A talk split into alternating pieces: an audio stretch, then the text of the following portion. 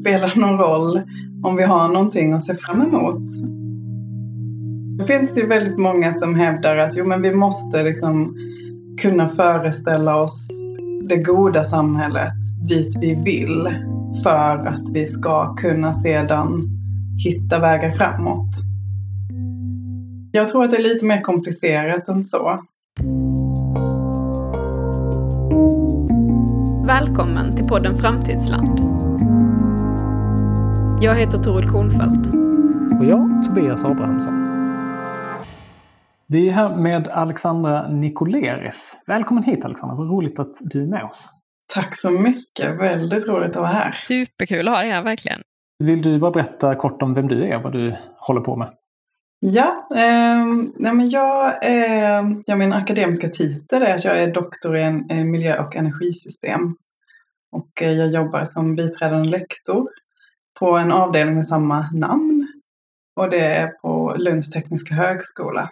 Och eh, min forskning handlar om eh, betydelsen av de förväntningar och föreställningar vi har om framtiden eh, och, och, vad det spelar för roll i vår förmåga att eh, agera för transformativ förändring. Alltså vad är det som, som gör att vi kanske motiveras att agera på ett nytt sätt, att göra någonting åt de stora kriser som vi står för, inför. Och eh, då har jag väl speciellt intresse av att förstå hur vi skapar mening genom de här berättelserna. Alltså hur berättelser på olika sätt gör klimatförändringar meningsfullt för olika människor i olika sammanhang. Att olika typer av berättelser kan få oss att förstå de här problemen på, på nya sätt. Och också då vilka sätt det finns eh, att få olika grupper av människor eller olika individer att skriva in sig själva i de här berättelserna. Alltså att, eh, att se sin egen roll i en omställning. Väldigt snabbt sammanfattat eh, mina forskningsintressen. Men, men det, det, är ju precis vad vi um, håller på med och försöker göra här i Framtidsland. Så det är jättespännande för oss såklart. Vad, vad kommer du fram till då? Eller liksom, vad, vad kan vi lära oss av det? Alltså för det första så kan man säga så här att eh, de flesta förväntningar som vi har på framtiden speglar egentligen vår uppfattning om hur verkligheten fungerar idag. Och det är ju inget liksom, revolutionerande, det har man vetat ganska länge. Att eh, vi förväntar oss för det mesta att världen ska förbli vad den alltid har varit. Och mycket av de berättelser om framtiden som vi skapar speglar rätt så mycket samtiden snarare än att de på något sätt säger någonting om en annan värld. Men det andra som eh, eh, min och min grupps forskning har visat på är det här behovet av att kanske skapa kollektiva berättelser. Att det verkar som att vi lever i en tid där det är ganska svårt att skriva in sig själv som individ i en berättelse om förändring. Eh, men däremot att det är lättare kanske att göra det som grupp. Att det finns en större förändringskraft i det. Vi människor befinner oss i olika kollektiv vid olika tillfällen i våra liv hela tiden. Det kanske behövs flera olika berättelser som man är en del av för att kunna se att jo men jag kan bidra till den här förändringen men jag kanske kan göra det på väldigt många olika sätt. Det finns liksom inte ett sätt som jag kan bidra. Det handlar inte om att jag ska sopsortera mer eller sluta flyga. Utan det handlar om att jag på min arbetsplats har den här rollen. Det handlar om att jag som förälder har den här rollen. Det handlar om att jag i min idrottsförening kan göra de här sakerna. Därför att min idrottsförening och jag pratar om vår berättelse. Vad är vår berättelse? i förändringen. Vad skulle kunna vara problemet eller liksom varför kan det vara ett problem att fokusera just på det individuella? På, på en nivå så verkar det ju som att det inte motiverar oss särskilt mycket till att, att göra de förändringar som faktiskt krävs. Så det är en sida av saken. Eh, men sen tycker jag också att det, det liksom är lite snedvridet perspektiv. Det belyser inte hur stort problemet är. Ja visst, du kan vara en god konsument och så vidare, men du kommer inte åt alla de här mest förstörande industriella processerna. Och där måste det finnas ett samhälle som gör någonting åt det. Så det, ja, det är väl två anledningar till att jag tycker att det är problematiskt.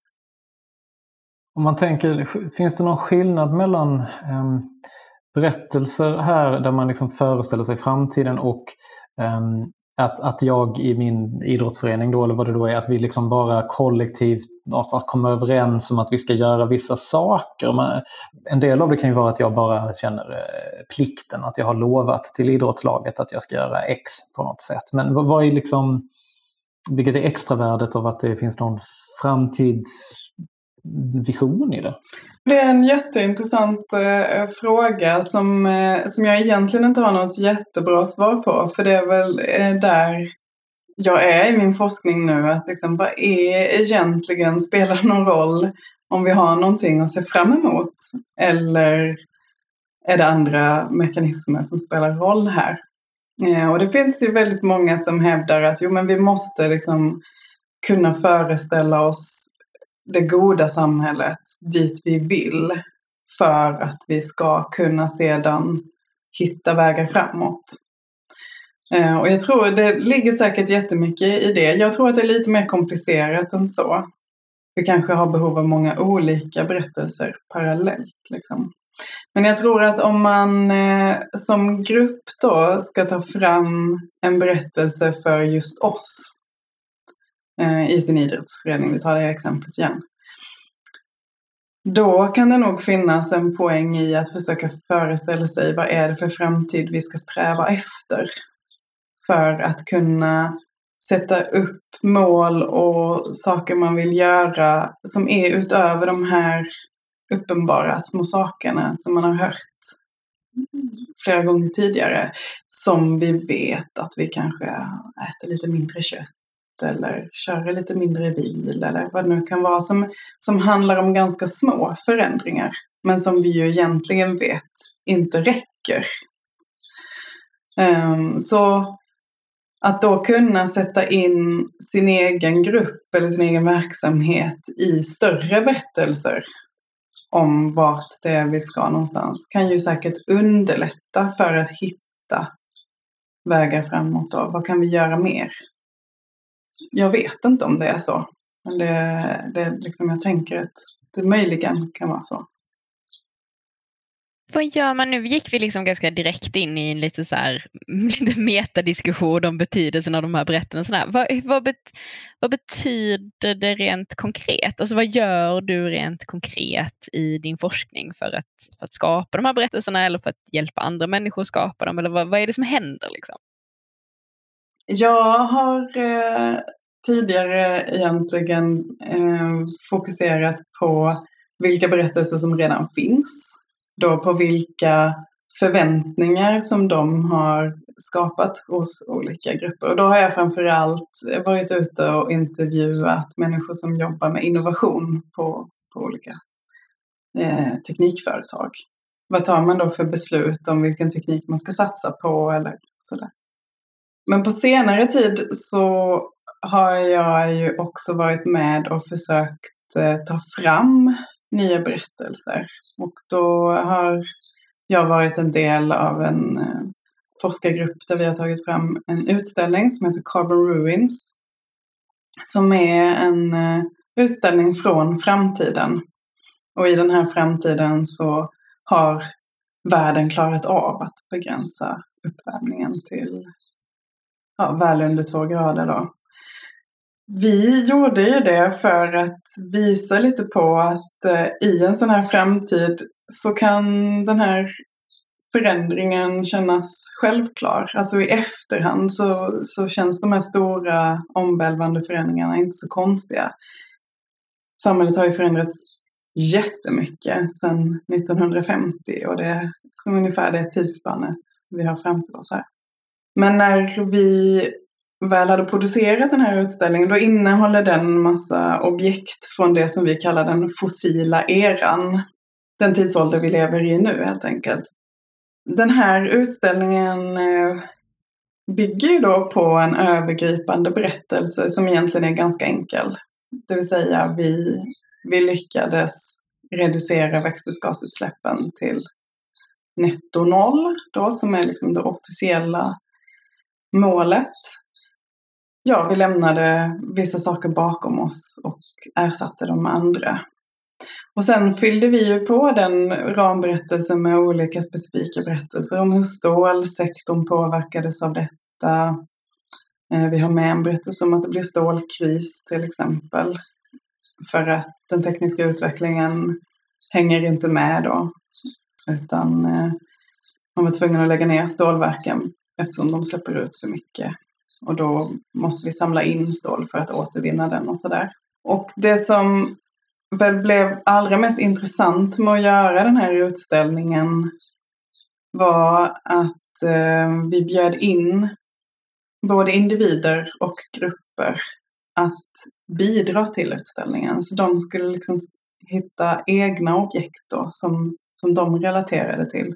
Och det, det är ju utifrån det här arbetet med Carbon Ruins som vi också kunde se det här att eh, många en besökare som kom som individer hade lite svårare att relatera till detta än när man kom som grupp och sedan kunde diskutera i grupp och relatera det till den här gruppen som man tillhör. Liksom. Att, eh, vi på mitt företag eller i den här organisationen. Då fanns det liksom en eh, Eh, netto noll eh, berättelse och så hade ni så att säga eh, hittat på ett par rimliga moment i det med stålkrisen som du tog upp och någonting mer då. Och sen grupper som deltog ehm, liksom relaterade till sin grupps situation på något sätt och liksom passade in någon extra bit i berättelsen. Det är ungefär så som det fungerar, som man byggde i liksom, min idrottsförening igen här då, har liksom sin eh, ja, story precis. inom den stora storyn. Precis så ja. Eh, och det kan ju vara antingen Många grupper gjorde ju bara så att de la till sin, sin del då ibland så kunde man ju relatera det till någon av de här berättelserna som vi hade lagt in där. Um, men ofta var det ju mer, blev det ju mer som ett komplement. Så. Men sen fanns det ju också både individer och grupper som reagerade på de här berättelserna som vi hade konstruerat. Alltså de inte tyckte om dem eller att de menade att nej, men ni har ju missat någonting fundamentalt. Och utifrån det då konstruerade en berättelse som, som de kände sig mer hemma i. Eller i alla fall att de tyckte att den här aspekten är ju jätteviktig. Ni får det att låta som att det inte fanns några konflikter här och det fanns det ju visst. Till exempel. Vad fick ni för så här, vad ska man säga, känslomässiga negativa reaktioner? Många av de känslomässiga negativa reaktionerna handlade om att den här världen låter alldeles för bra på något sätt. Det måste finnas någon baksida. Um, och det är ju intressant i sig tycker jag. Och då kunde det rent konkret handla om ja, att vi inte till exempel hade ehm, visat tillräckligt mycket på de konsekvenser som faktiskt blir av en uppvärmning som är 1,5 grader. Det var någon som hade ex exempel om att Eh, det förmodligen ändå kommer bli extrem torka i Europa med hungersnöd som följd. Och den berättelsen ville hon skriva in.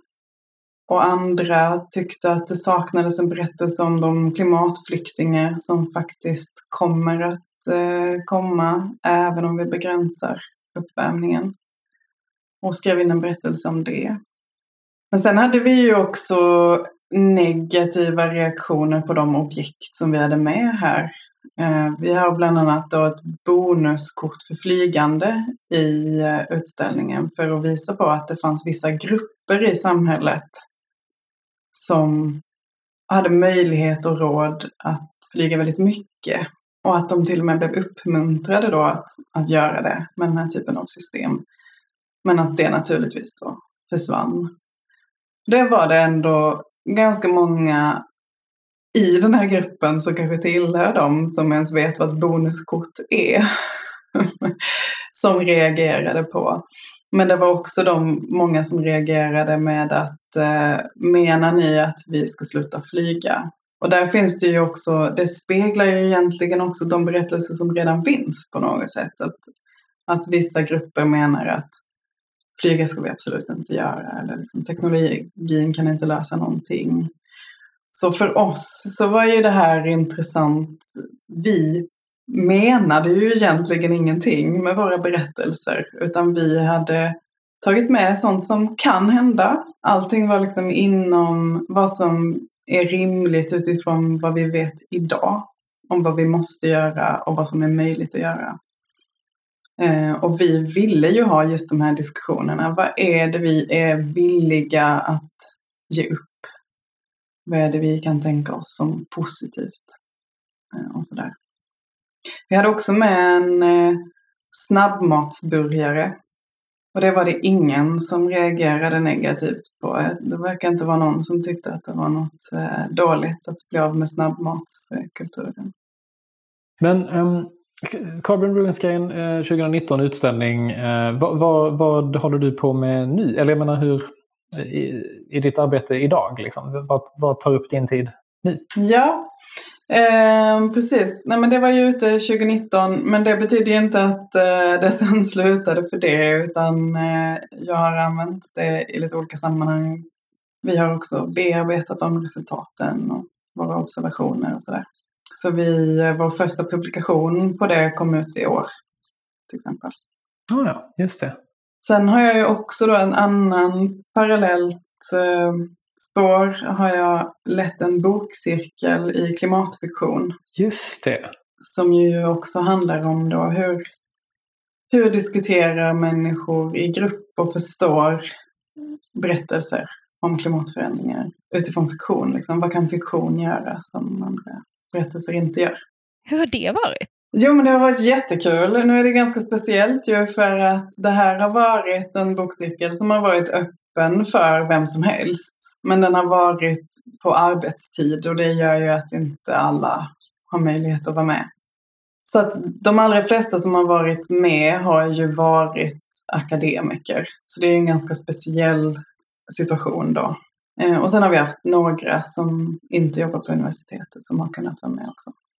Men eh, jag tycker ändå att det har varit en väldigt intressant och kul grupp att jobba med för att det är ju har varit människor från alla håll, alla håll och kanter på universitetet. Så det är ju inte så att det är människor som känner varandra som, och man har väldigt olika perspektiv på vad klimatförändringar är. Så, så nej men det har varit väldigt spännande och vi har väl läst eh, ett 30-tal böcker. Tror jag. Wow! Vi har hållit på i tre år. Okej. Så... Ändå. Jag menar, den bokcirkeln jag hade tog lång tid att läsa en bok. Så att, eh, ja. Vilken bok har varit mest, eh, mest intressant? Vad, vad har lett till mest, säg en titel som har lett till spännande diskussioner? Oj, eh, jag brukar alltid få frågan vilken eh, rekommenderar du mest? Det är en helt, eh, liksom, du skulle svara helt annorlunda. Eh, jag tycker nog att eh, det kan vara väldigt så här, förvånande vilka böcker som leder till mest diskussioner. Det kan vara de tråkigaste böckerna som leder till mest diskussioner på något sätt. För att det är ju, och det här jag tycker är så spännande också med vad som händer med grupp, i, i grupp, liksom, att gruppdynamiken gör någonting. Men den här terminen har vi till exempel läst uh, The Wall av eh, John Lancaster. Just det, den, den har jag läst också. Den ledde till väldigt mycket intressanta diskussioner, tyckte jag. Och det är den där de, ehm, är, man, man förstår ju att det är England ungefär, där de har byggt en, en jättehög mur runt hela, vad det nu blir, ön som England är på. Britannien heter den väl? Kanske? Ja, Britannien, ja precis. Det är ju... Och så ja, bemannar de den och försöker mota bort klimatflyktingar i, i princip. Mm. Vad, vad, vad hade ni att säga om den då? Nej men eh, vi diskuterade ju mycket där eh, hur liksom även om det är sådana här framtidsberättelser att det kanske är intressanta med dem är ju vad de säger om dagens samhälle egentligen.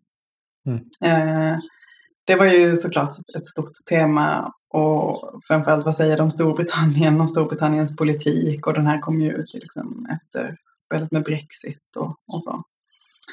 Um, men också så här rädslan för klimatförändringar, vad är det vi är rädda för, hade vi ett rätt så stor diskussion om. Är det, liksom, är det havsnivåhöjningen eller är det flyktingarna? Eh, eller är det det här livet som kommer vara något helt annat? I den här boken finns det också att den äldre generationen, de som hade livet så som vi känner det idag, de sitter mycket och tittar på filmer om surfing och om stränder och sådär. Ehm, så vad är det vi kommer sakna och, varför då? Och så. Jag kommer ihåg att ehm, den, det, är mycket, det är mycket diskussion om stränder. Eh, det är liksom en sån förlust eh, som jag kunde känna att ja, ja, eh, jag, jag, kan inte riktigt relatera jättemycket till den sorgen efter stränder. Men det, det förstår jag att man kan. Men, men något som jag tyckte var lite träffande i den boken var den här vad ska man säga, antagonismen som fanns mellan huvudpersonen som är född efter allting har gått åt helvete och hans föräldrar. För att de har typ dåligt samvete. Alltså de var de, det är ju liksom vår generation på något sätt som kunde ha gjort någonting fortfarande. Eh, och så har de ångest och han är typ sur på dem av liksom rimliga skäl. Um, ja, det, det, är någonting jag kommer ihåg från den här boken. Jo men precis. Eh, och det är ju det kom, inte, det kom upp lite grann i vår diskussion, men faktiskt inte jättemycket. Men däremot så är ju det ett ganska stort tema i mycket klimatvision, Just det här med eh, skulden mellan generationer och vem det egentligen är som bär ansvar. På många olika sätt. Alltså, I The Wall så är det ju väldigt mycket den här ansvarsbiten just för att det är barnets perspektiv. Men i många andra klimatböcker så handlar det snarare om ansvar, att man känner som kanske förälder. Att det handlar om det här att vi gör det här för framtida generationer. Det är liksom för dem som vi vi räddar klimatet eller räddar jorden på något vis. Jag vet inte om ni har läst Maja Lundes böcker, Binas historia och Blå. Hon har en tredje bok nu. Przewalskis häst som jag inte har hunnit läsa. Men de två första böckerna, det är ju verkligen det, liksom, det största temat är just det här relationen mellan föräldrar och barn. Och att föräldrarna inte och på något sätt kan ta hand om sina barn då. För man tar inte hand om, om världen och då tar man egentligen inte hand om sina barn heller. På något vis. I Framtidsland har vi utvecklat tre scenarier som visar olika sätt att möta 1,5-gradersmålet. Megastad Nord, där alla bor i en automatiserad jättestad och drar nytta av energieffektiva lösningar och lämnar plats till naturen att återhämta sig utan människor.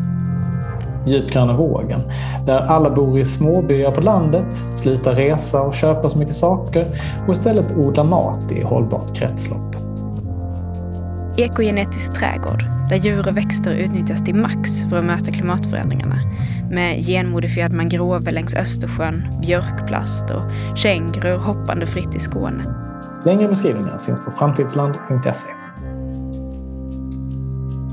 Det som jag tycker är en kvalitet i dem är att det inte är det här, ja men ni har ett teknikoptimistiskt scenario, sen har ni ett där det bara handlar om livsstilsförändringar och ett tredje som kanske tar upp något, något annat, vad vet jag. Um, utan det är ju det här, här finns kontroll i alla tre, egentligen på olika nivåer då. Man kan tänka sig att i den gröna vågen så är det liksom kontrollen i lokalsamhället det är ju en demokratisk kontroll, ganska direkt demokratisk kontroll på något sätt. I eh, Megastad Nord så är ju, det är ju en ganska teknokratisk kontroll på något sätt med de här entreprenörerna som, som har mycket makt. Så, eh, och det är så effektiva som du pratar om. Att, eh, och på samma sätt så kan vi ju se den ekogenetiska trädgården, att det är liksom snarare kontroll över hela över hela jorden då, liksom över allting. Och jag tycker nog att det här är bra att, eh, att det finns, man kan se att det, det, på något sätt så är det inte så enkelt som att men om, vi, om vi går på teknik så blir det på ett sätt och om vi, om vi går på livsstilsförändringar så blir det på ett annat sätt. Utan i alla de här tre framtiderna så har vi både och. Vi har liksom lite av allt. Eh, men det kan ändå bli på väldigt olika vis. Jag tycker nog också att det faktiskt gör att jag inte vill bo i någon av de här. För att ni har inte skrivit in det på ett sätt som, som gör att man tänker åh, det här var ju en perfekt framtid. Um, och jag tror knappt att, alltså vi pratade om grupper tidigare, men man kan också tänka sig här då grupper i form av förlorare och vinnare. Då kanske det finns några absoluta vinnare i Megastad Nord. Absolut. Um, och där kanske det finns en grupp människor i samhället idag som, som känner att ja, men det där känns så ganska, det skulle jag gå med på. Liksom. Men i övrigt så har, är det ju sociala konflikter så att säga i alla tre som gör att ja, de, de, de är ju inte färdiga liksom. Det där är ju framtiden som man skulle vilja förbättra om man levde där, tänker jag. Eh, och det gör på något sätt, tycker jag, att eh, jag tror att det också kan vara positivt i det här att leta efter de här framtiderna som vi vill sträva efter. Att ha fler sådana här exempel där vi faktiskt löste klimatförändringarna. För att sätta fingret på, men det är inte bara det vi vill göra. Alltså framtiden handlar inte bara om att vi ska minska temperaturökningen på jorden. Det handlar om en massa andra saker också. Och det tycker jag att man liksom får syn på med era berättelser. Men det, det, är fint att du säger det, för vi tänkte ganska mycket på det också. Att, och att de inte skulle vara... Alltså att, och att i, i rätt stor utsträckning att det bara var det problemet de skulle lösa också. Alltså att det här är, det här är samhället som löser klimatet och inte så mycket annat. I, eller de skapar ju liksom nya problem. Precis, precis. Nej men och de löser ju olika andra problem. Alltså, eh, men och det, Ja, och, och där måste jag säga att jag också tycker att ni kanske fyller en, ett hål. Alltså, det är väldigt mycket berättelser om klimatförändringar handlar liksom antingen om att allting, vi löser allting. Eh, det är ju ändå på något sätt de politiska dokumenten och så målar ju ändå upp någon slags att då har vi löst allting. Vilket gör att många har svårt att relatera till dem som vi pratade om innan. Eller så finns det de här berättelserna som handlar om att allting går åt helvete. Alltså det blir riktigt katastrof bara. Och jag tror inte att vi ska, eller om man nu ska säga vad vi ska göra eller inte. Jag tror att de berättelserna också är viktiga. För att de handlar ju om, också egentligen om att föra en diskussion om vad är det för samhälle vi vill ha. Eh, genom att måla upp det här som vi absolut inte vill ha. Som The Wall till exempel. Det är väl förmodligen väldigt få som skulle läsa den och tänka det där verkar ju schysst. Att eh, mura in liksom hela, hela landet.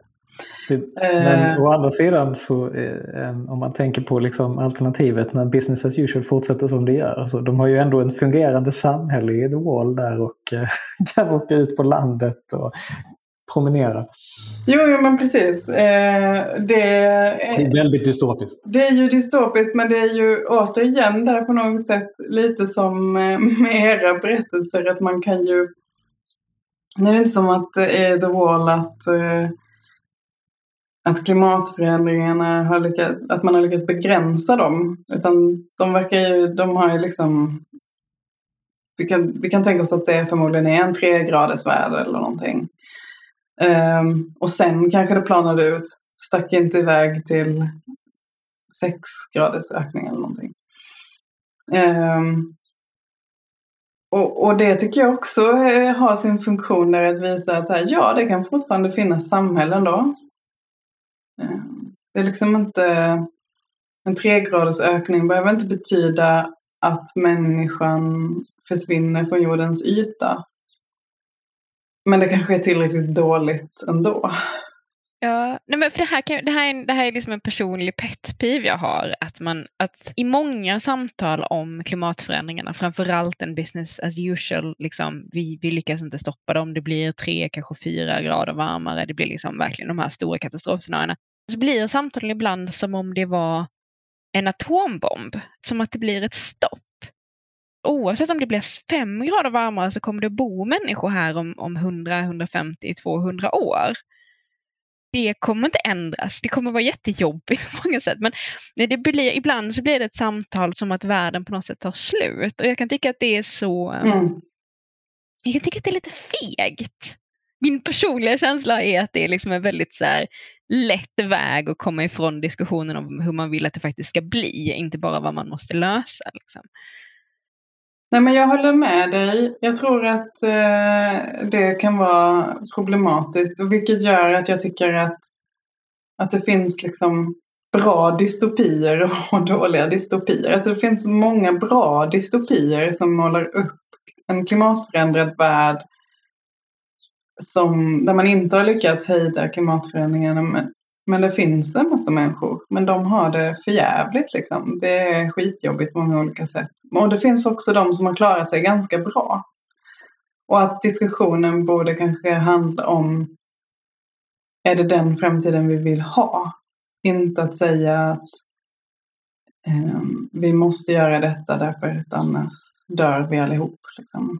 Eh, och att det är ganska viktigt egentligen att, att ha det klart för sig. Att, och på samma sätt att de här gränserna som sätts upp med 1,5 grader eller 2 grader och så vidare. För det första handlar ju allting om sannolikheter. Alltså vad är sannolikheten att jordens temperatur höjs så här mycket om vi begränsar utsläppen det här och det här året. Liksom. Eh, så det är, ju all, det är ju inga exakta gränser någonstans. Alltså vi, vi vet inte exakt när de här återkopplingsmekanismerna triggas igång. Och, så. Eh, och att då liksom prata om gradförskjutningar, jag tror att det är jätteviktigt. faktiskt. Och sen är det ju också som att det verkar finnas en idé om att eh, vi kan inte skriva fiktiva... Vi kan inte skriva fiktion om en eh, 1,5-graders värld. Därför att det är liksom för, för glatt.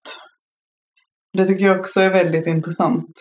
Eh, dels för att det blir också igen en dikotomi där som är falsk. Att det är som att en 1,5 graders värld, då är alla glada och, och lyckliga och vi har, det är inte så stor förändring. Medan alltså en tregraders värld eller en två plusgraders värld, då är det katastrof och hemskt och, och, och, ja, allt har gått åt helvete. Men i verkligheten så är det ju så här, ja redan nu så ser vi så här värmerekord i Kanada nu den här veckan ju, tre dagar i rad och vi har inte nått mer än 1,2 graders temperaturökning. Ehm, alltså att vi eh, vi måste se de här gradvisa förändringarna som katastrofala i sig. Om vi verkligen ska kunna prata om vad är det vi vill undvika och vad är det vi vill ha för samhälle på något sätt. Så ja, återigen tycker jag att era scenarion fyller faktiskt en viktig funktion. Hur stor utsträckning tror du det är liksom berättelserna, idéerna om framtiden som driver vad som kommer hända och i vilken utsträckning kommer liksom vad ska man säga, berättelserna efteråt som ett sätt att förklara varför en materialistisk eller teknisk eller någon annan utveckling blev som den blev. Liksom. Ja men det är ju en jättebra fråga Toril. det är liksom eh, ja, miljonfrågan. Jag tror att det kanske är fel fråga att ställa egentligen vilket som kommer först. Eh, utan att det intressanta är att se på samspelet mellan berättelserna och de andra förändringsprocesserna som sker av liksom andra orsaker. Det är inte så Ja, men jag vet inte, det, det, jag tror det är dumt att tänka att det antingen är det materiella som driver eller så är det det idéburna som driver samhällsutvecklingen. Utan det är samspelet däremellan som är det intressanta. Med mitt jättediplomatiska svar. Fast det är ju en jättekul... Eller pragmatiska svar. Det är en kul tanke att det är just det att de liksom slår... För det blir ju på något sätt mycket mer men mycket mer dynamiskt och intressant också att liksom kunna ha en växelverkan mellan sig mm. teknisk utveckling. Och det svåra då är ju att förstå den växelverkan. Alltså förstå den dynamiken. Och det, det hade jag eh, gärna forskat mer du sa innan att, att våra, våra framtidsscenarier är sådana att du inte riktigt känner dig att du skulle trivas eller riktigt vilja vara i, i någon av dem helt. Men, men finns det någon av dem som du tror är eller innehåller aspekter kanske som är troligare än någon av de andra, någon av dem som du ser som att om, om, om, om, om man inte tänker att det är business as usual, men om man tänker att omställningen fortsätter ungefär den riktningen som den verkar gå nu och ungefär åt vilket håll skulle det vara troligt att vi går i förhållande till de här scenarierna? Oj, det är ju nästan ännu svårare än att uh, välja vilken jag vill helst vill leva i. det handlar ju om att sia om framtiden då. Um, jag tror nog att Megastad Nord och Djupgröna vågen, liksom båda två återspeglar liksom parallella processer som sker. Ni har ju skrivit dem som att de är två helt olika framtider, men jag ser nästan att de på sätt och vis skulle kunna vara i olika delar av världen eller liksom som fickor i framtiden utifrån vad, hur man ser liksom, samhället utvecklas nu. Ehm, det kanske också är så att det scenario som jag känner mest motstånd mot är den ekogenetiska trädgården. Och det är ju väldigt mycket för att jag personligen tycker att det icke-mänskliga har ett egenvärde. Alltså jag tycker att det har en rätt att få finnas också. Och den rätten försvinner helt i den, i den framtiden. Så eh, där, därför tycker jag den är minst önskvärd på något sätt. De, de andra två skapar ju på olika sätt utrymme för det icke-mänskliga. Där vet jag inte vilket som jag tycker är bäst. Liksom. Men, eh, men det finns i alla fall ett utrymme som det inte gör i ekogenetisk trädgård. Nej, nej, för den ekogenetiska trädgården är ju otrolig. Vi ville ha någonting som var otroligt eh, pragmatiskt och instrumentellt. Liksom. Så att å ena sidan så finns det väldigt mycket biologisk materia. Mycket växter, mycket djur, men, men ingenting som har ett, en egen Ingenting som inte är funktionellt eller omskapat för, för funktion. Liksom. Nej, precis. Och där, alltså jag, jag tycker det är jättesvårt att svara på vilket av de här som skulle vara mest eh, sannolika. Ni har ju som man nästan alltid gör när man konstruerar scenarier, man plockar ju upp trender som finns och det finns ju trender mot alla de här tre. Men som jag sa, jag tycker kanske den ekogenetiska trädgården är den som jag minst eh, skulle vilja se. Sen tror jag ju att jag personligen skulle lida väldigt mycket i Megastad Nord. Eftersom man inte får lov att vara ute bland de vilda djuren och, och träden och så. Ehm, men jag kanske också ser att så här, det skulle vara fint på något sätt om vi människor eh, inte skulle vara överallt och lägga oss i. Bland våra tre, vilken tycker du känns enklast att föreställa sig hur livet ser ut som en vanlig, eller liksom om vi tänker ett motsvarande dig om 70 år då. Är det någon av dem som du känner är enklare att liksom föreställa sig vardagslivet och mat och jobb? Mm, men jag tycker nog att det är ganska, jag tycker ni har eh, målat upp dem så bra så det är ganska lätt att föreställa sig så här vardagslivet i alla tre faktiskt på något sätt så är det som att det, människor är lite mer homogena på, på e, ett sätt i djupgröna vågen. Alltså, um, men det är li, lite mer för att på sätt och vis så finns det mer valfrihet. Man kan kombinera olika roller. Man, ni hade ju något exempel där, man kunde vara professor i litteratur och eh, ihåg, mekaniker. Ni hade några olika eh, kombinationer. Jag menar, där, där kan jag liksom se framför mig så här, ja okej, okay, då skulle jag kunna vara forskare halva året och sen är jag vetebonde halva året eller mm. någonting. Och jag bor ju själv på landet så att det är liksom inte så okej. Okay, den största skillnaden skulle ju vara att plötsligt byalaget hade en mycket mer formell roll än nu. Där det kanske mest handlar om att ordna loppisar och sociala aktiviteter och så. Medan om man tittar på Megastad Nord så får man ju nästan välja vilken, vilket skikt av samhället man tillhör för att föreställa sig vardagen. Alltså är jag en av dem som är överflödig och inte fyller en funktion och går på medborgarlön, vad gör jag då? Mm. Eh, och så här, mina fritidsintressen är ju att odla. Kan jag göra det där? Det vet jag inte riktigt. Jag kanske har en takterrass. Mm. Får odla lite krasse. Mm. Så jobba mycket med dina algodlingar i liksom fönster. Akvaponiken i underjorden eller något Exakt. sånt där. Exakt. Och jag menar det, ja, så det, det, skulle jag väl också kunna skriva in mig Och ekogenetisk trädgård, alltså jag tänker på något sätt ändå jag tycker det är ganska kul liksom, för jag har många vänner som har hållit på med permakultur och sådär. Jag ser ändå på något sätt att så som de beskriver sina liv så det passar in ganska bra i den här ekogenetiska trädgården mellan nötter och, och så.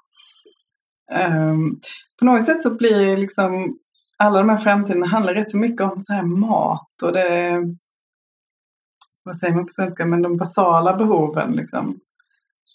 Som gör att jag ändå tycker att det kanske är ganska lätt att se vad man skulle kunna fylla för funktion eller vad man skulle kunna vara för, ha för vardagsliv där. Det är kanske ännu mer spännande att fundera på så här, vilka yrken skulle försvinna? Hur, alltså, vad vet jag, finns det mäklare i de här framtiderna? Finns det, jobbar någon med annonsintäkter eller har, liksom, har det försvunnit? Det är massa sådana frågor som, som, som, som poppar upp i mitt huvud när jag läser där. Liksom. På vilka fler sätt har samhället... Liksom, ja, yrken försvinner ju hela tiden. Vad har försvunnit där? Väldigt så finns influencers. Mäklare jag tyckte det var jätteintressant idé. Ja. Nej men precis, influencers. Där kan man ju tänka sig att det finns massor av influencers i Megastad Nord liksom underhållningsprogram och allt vad det var. Liksom. Och kanske finns de även i de andra, men de fyller helt andra funktioner. Det handlar inte om att... Eh, det handlar kanske i, eh, i den djupgröna vågen om att säga lite mer om social kontroll. Då. Du har en influencer för att se till att du inte tar för mycket av det där vattnet ur ån nu när det var torkår. Nu när du sitter och pratar så börjar jag också fundera på så här, vad skulle vara hög status? Om man tänker sig att liksom det man vill visa upp är det som är hög status. Vad är det? Är det liksom hög status i djupgröna vågen att visa upp hur, hur skitiga och hur mycket liksom valkar man har i händerna för att visa hur hårt man har jobbat och vilken bra person man är? Liksom.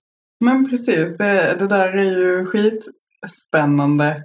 Det är ju sånt som med matkultur också. Vad är, liksom, vad är trendig mat? Som att vi ser att så här, ja, men köttkonsumtionen har ju egentligen ökat för att kött var statusmat.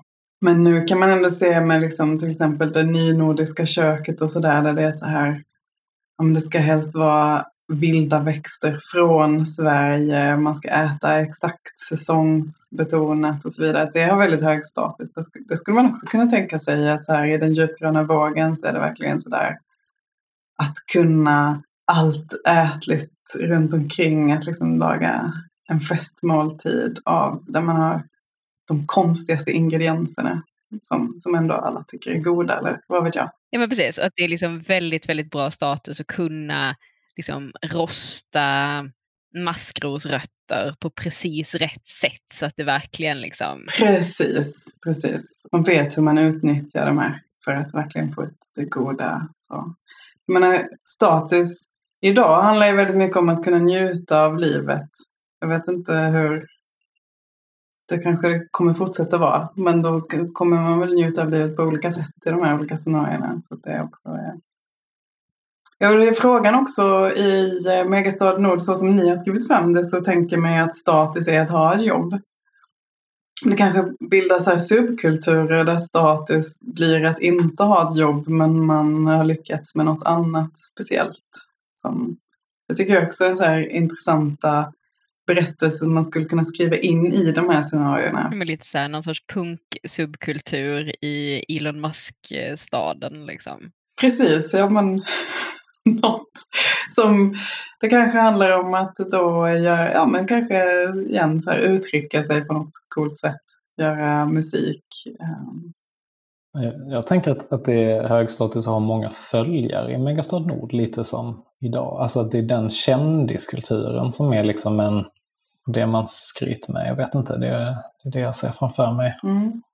Sen tänker jag i djupgående vågen att, att det handlar om också att om mitt, om jag nu, om, förutsatt att jag har mitt eget lilla fält någonstans eh, och att det inte bara allt är ägt av byn, så lär ju liksom, om det växer bra hos mig, det tänker jag är hög status. Liksom. Att det är så här, mina sådana permaodlingar är de bästa och här är det liksom mycket mat. Just det, att gå till Tobias, då vet man liksom att man kommer få morötter. Ja, och framför, eller jag, nu tänker jag också alltså så här att man, liksom, man, går, man går runt där i byn och så ser man så ah, där, är, där är hans fält och där växer det. Och jag är avundsjuk för att liksom, jag har minsann mycket stenigare jord hos mig och uh, fy fan vilken tur han har. Eller vad det nu är. Liksom, eller att man liksom beundrar eh, ja, the protestant work ethic. Liksom. Att, Mhm. eh, ja, han är ute och gräver i landet hela tiden. Att, att visa upp hårt arbete. Mm.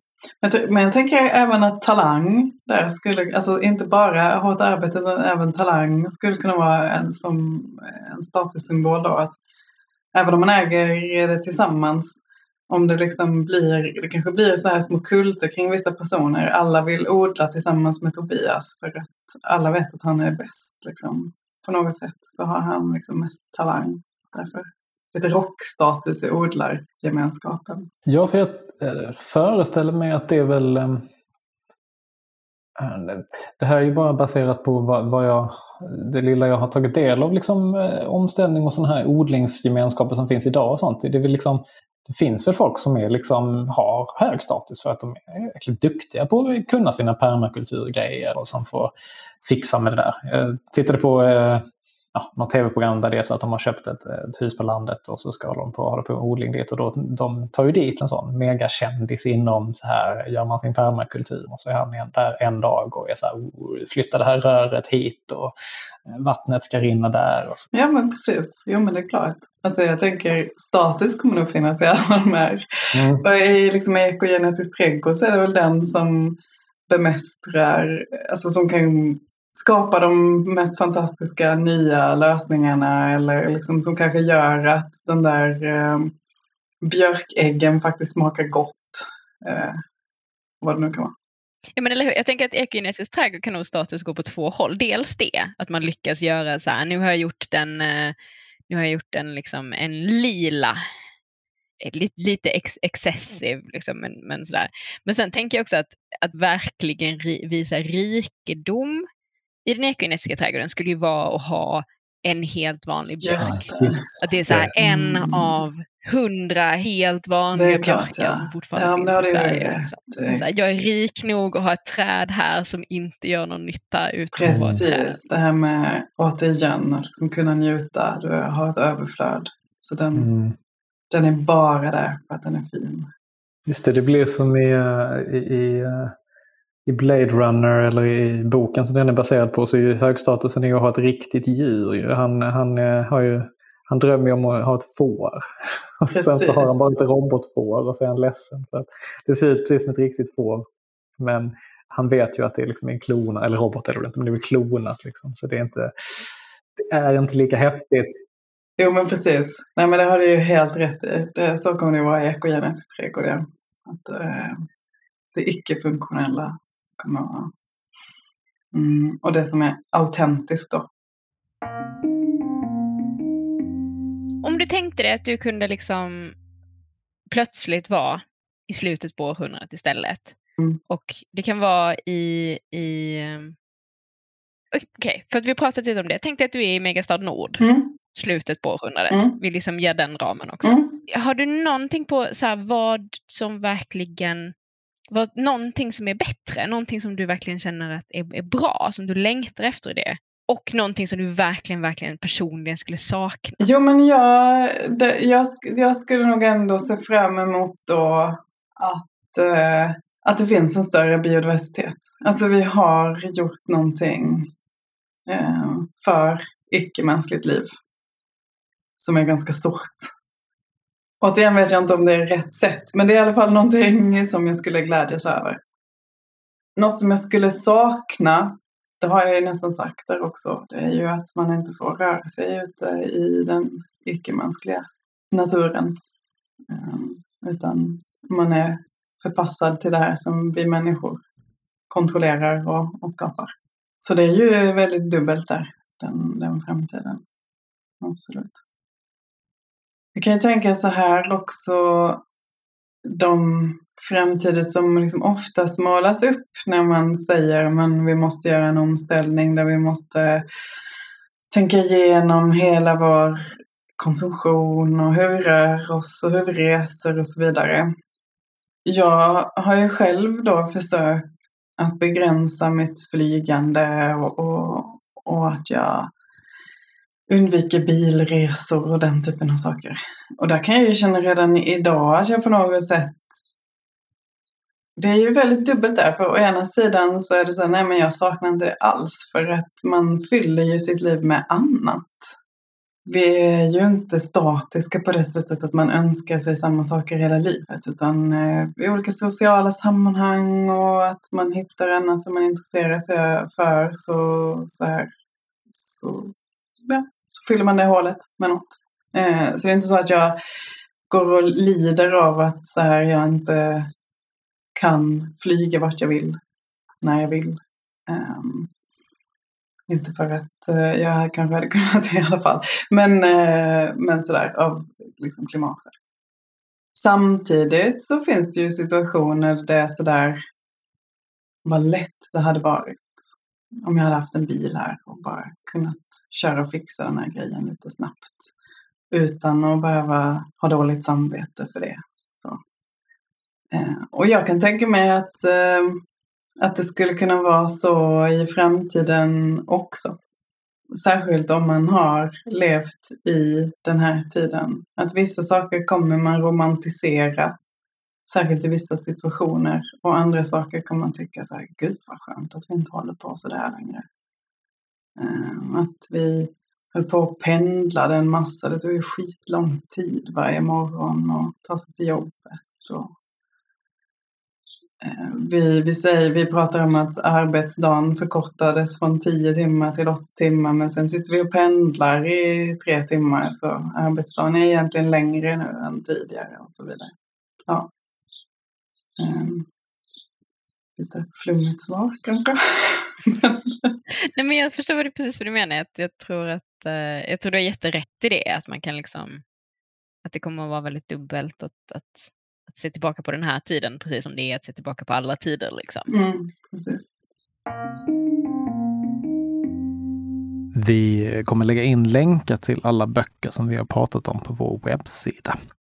Men eh, om man vill veta mer om dig eller din forskning, Alexandra, vart ska man då gå? Eh, man kan gå in på vår hemsida, climaginaries.org. Och det är ju då jag och mina forskningskollegor.